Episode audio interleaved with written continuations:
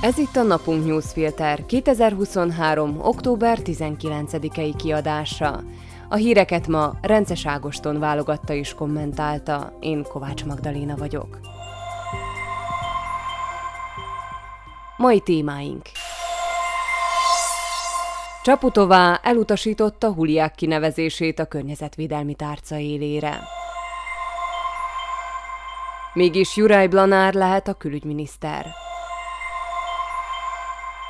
Orbán már megint kiborította a szövetségeseit.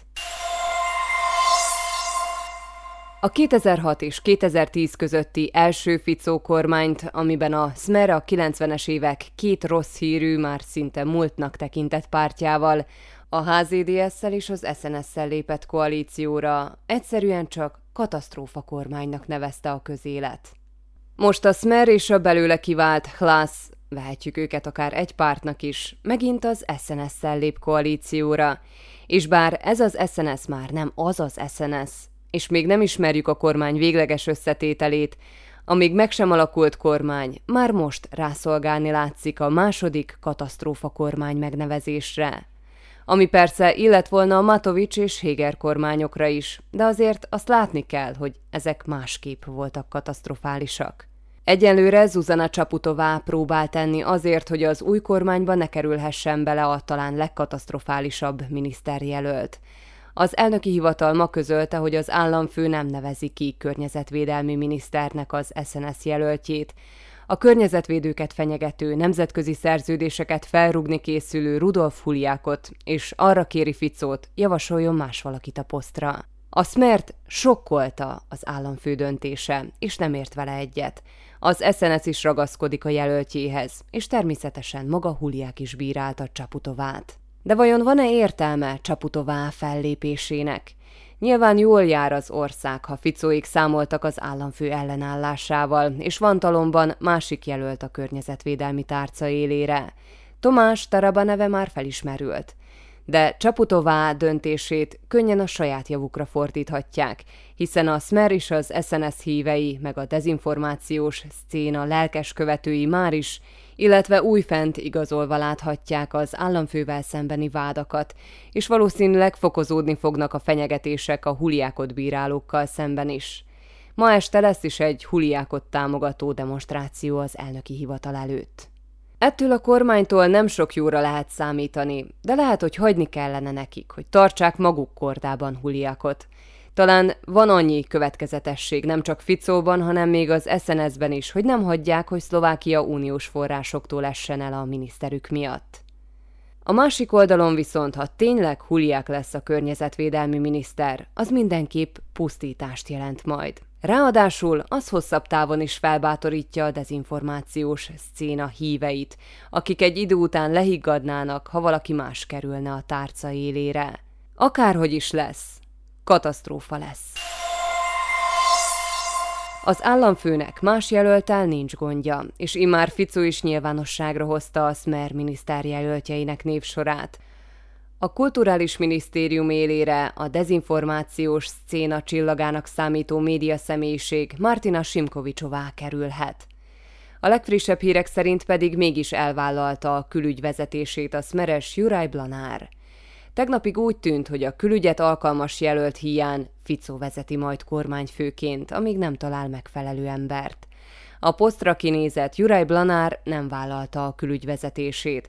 Miroslav Lajcsák pedig, aki mindhárom korábbi Smer kormányban volt külügyminiszter, szintén elutasította az ajánlatot.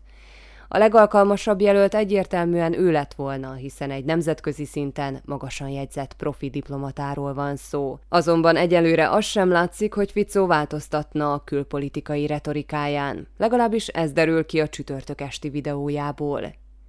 Lajcsák helyett jön Blanár, akinek diplomáciai tapasztalata nincs. Ellenben szeret összeesküvés elméleteket terjeszteni Ukrajnáról.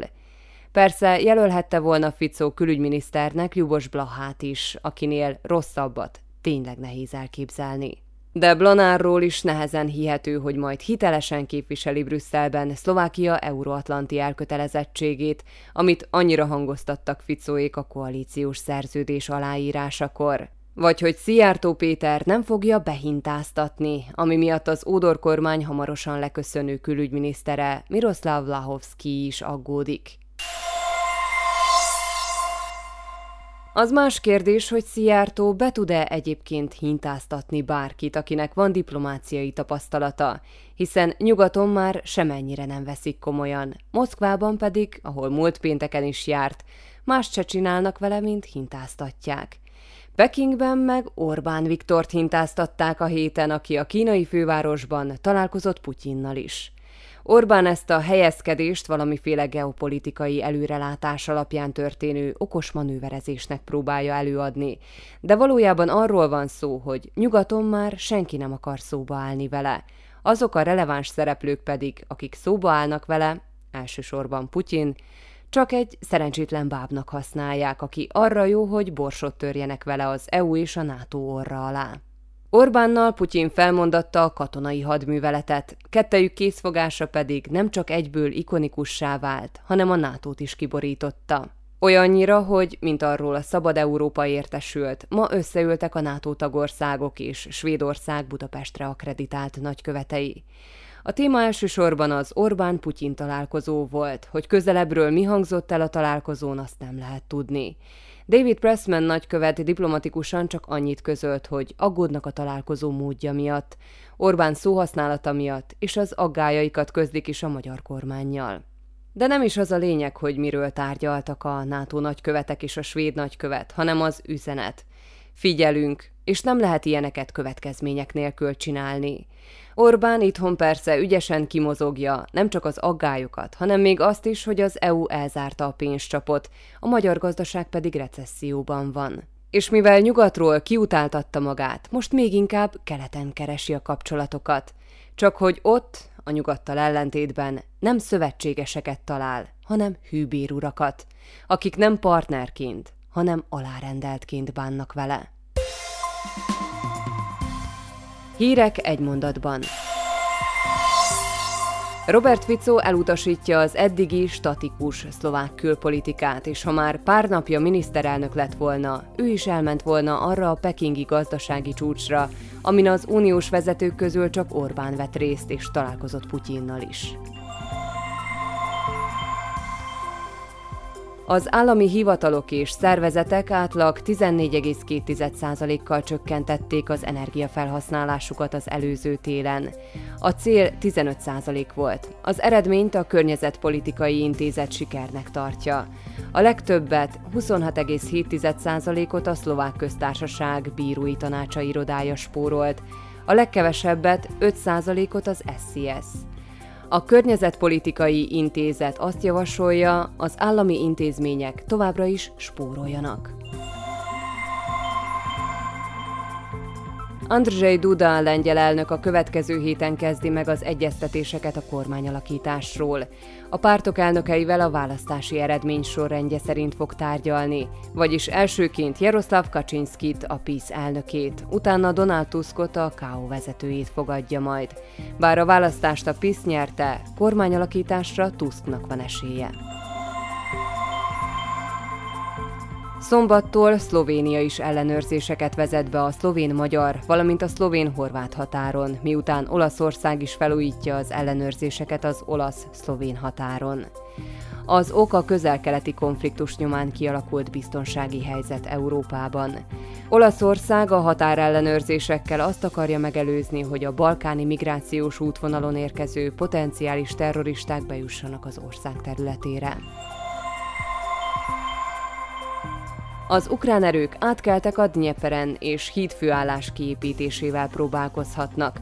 Az oroszok amiatt aggódnak, hogy ez egy nagyobb művelet része lehet.